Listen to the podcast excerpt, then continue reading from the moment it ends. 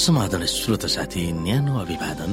म उही तपाईँहरूको आफ्नै मित्र धनलाल राईको। श्रोत साथी आज म तपाईँको बीचमा बाइबल सन्देश लिएर आएको छु। आजको बाइबल सन्देशको शीर्षक रहेको छ म फेरि आउँदैछु।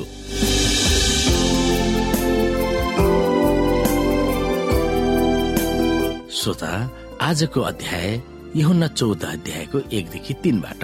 यहाँ लेखिएको छ तिमीहरूको हृदय व्याकुल नहोस् तिमीहरू परमेश्वरमाथि विश्वास गर्दछौ म माथि पनि विश्वास गर। मेरा पिताको घरमा बस्ने ठाउँहरू धेरै छन्। त्यसो नभए म तिमीहरूलाई भन्ने थिएँ र कि तिमीहरूका निम्ति ठाउँ तयार पार्न म गइरहेको छु? अनि गएर मैले तिमीहरूका निम्ति ठाउँ तयार पारेपछि म फेरि आउने छु र तिमीहरूलाई म कहाँ लैजानेछु र जहाँ म छु त्यहाँ तिमीहरू हुनेछौ। हुन्न चौध अध्यायको एकदेखि तीन। आफू आउने प्रतिज्ञा यशुले गर्नुभएको झन्डै दुई हजार वर्ष भयो।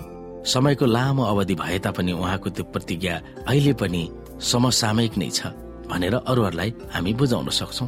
यसो कहिले आउनुहुने भन्दा पनि उहाँ आउनुहुनेमा महत्व छ भनेर हामीले ठान्नु पर्दछ। चारपल्ट प्रकाशको पुस्तकमा यसुले भन्नुभएको थियो म चाँडै आउँदैछु।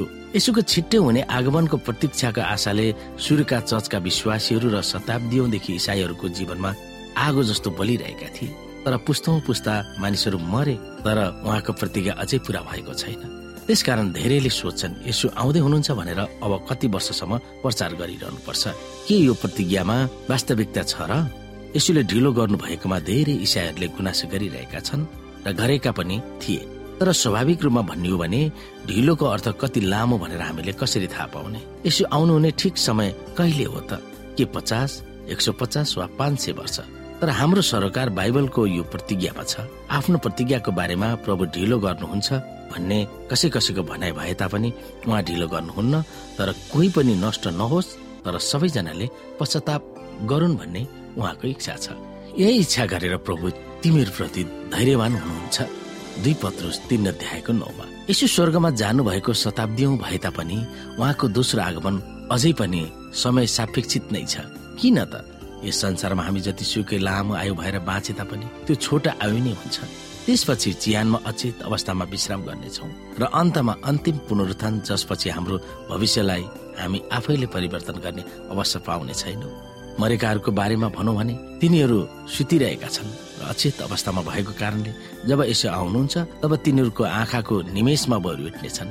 तिनीहरू जति वर्ष सुते तापनि ती वर्षहरू केवल एक क्षण मात्र तिनीहरूको लागि हुनेछ। तपाईँका आफ्नै व्यक्तिगत अनुभव र युगौं युगदेखि सुतिरहेका परमेश्वरका जनहरूको निम्ति उहाँको आगमन एक क्षण भन्दा बढी हुँदैन। त्यही नै छिटो होइन त। प्रत्येक बितेको दिनले स्वर्गको बादलमा यसुको महिमित आगमनलाई एक दिन अगाडि ल्याउँदछ। उहाँ कहिले आउनुहुन्छ सो हामीलाई थाहै नभए तापनि उहाँ आउनुहुनेछ भन्ने कुरामा हामी निश्चित छौँ। हामीलाई चाहिने कुरो त यही हो नि। एकजना पास्टरले यो प्रवचन दिए कि यसो कहिले आउनुहुन्छ त्यसको बारेमा उनलाई वास्ता छैन। तर उनको मुख्य सरकार भनेकै यसो आउनु हुनेमा छ। यो तर्क हाम्रो निम्ति कस्तो छ? यसो नआउनु भएकोमा तपाईँ निराश वा हतोसाह भए पनि त्यस भनाइले हामीलाई कसरी औसला दिँदछ? त्यो विषयमा हामी सोच्न सक्दछौ।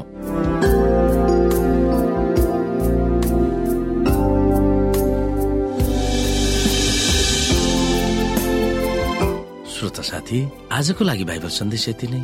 हस्त नमस्ते। जय मसिंह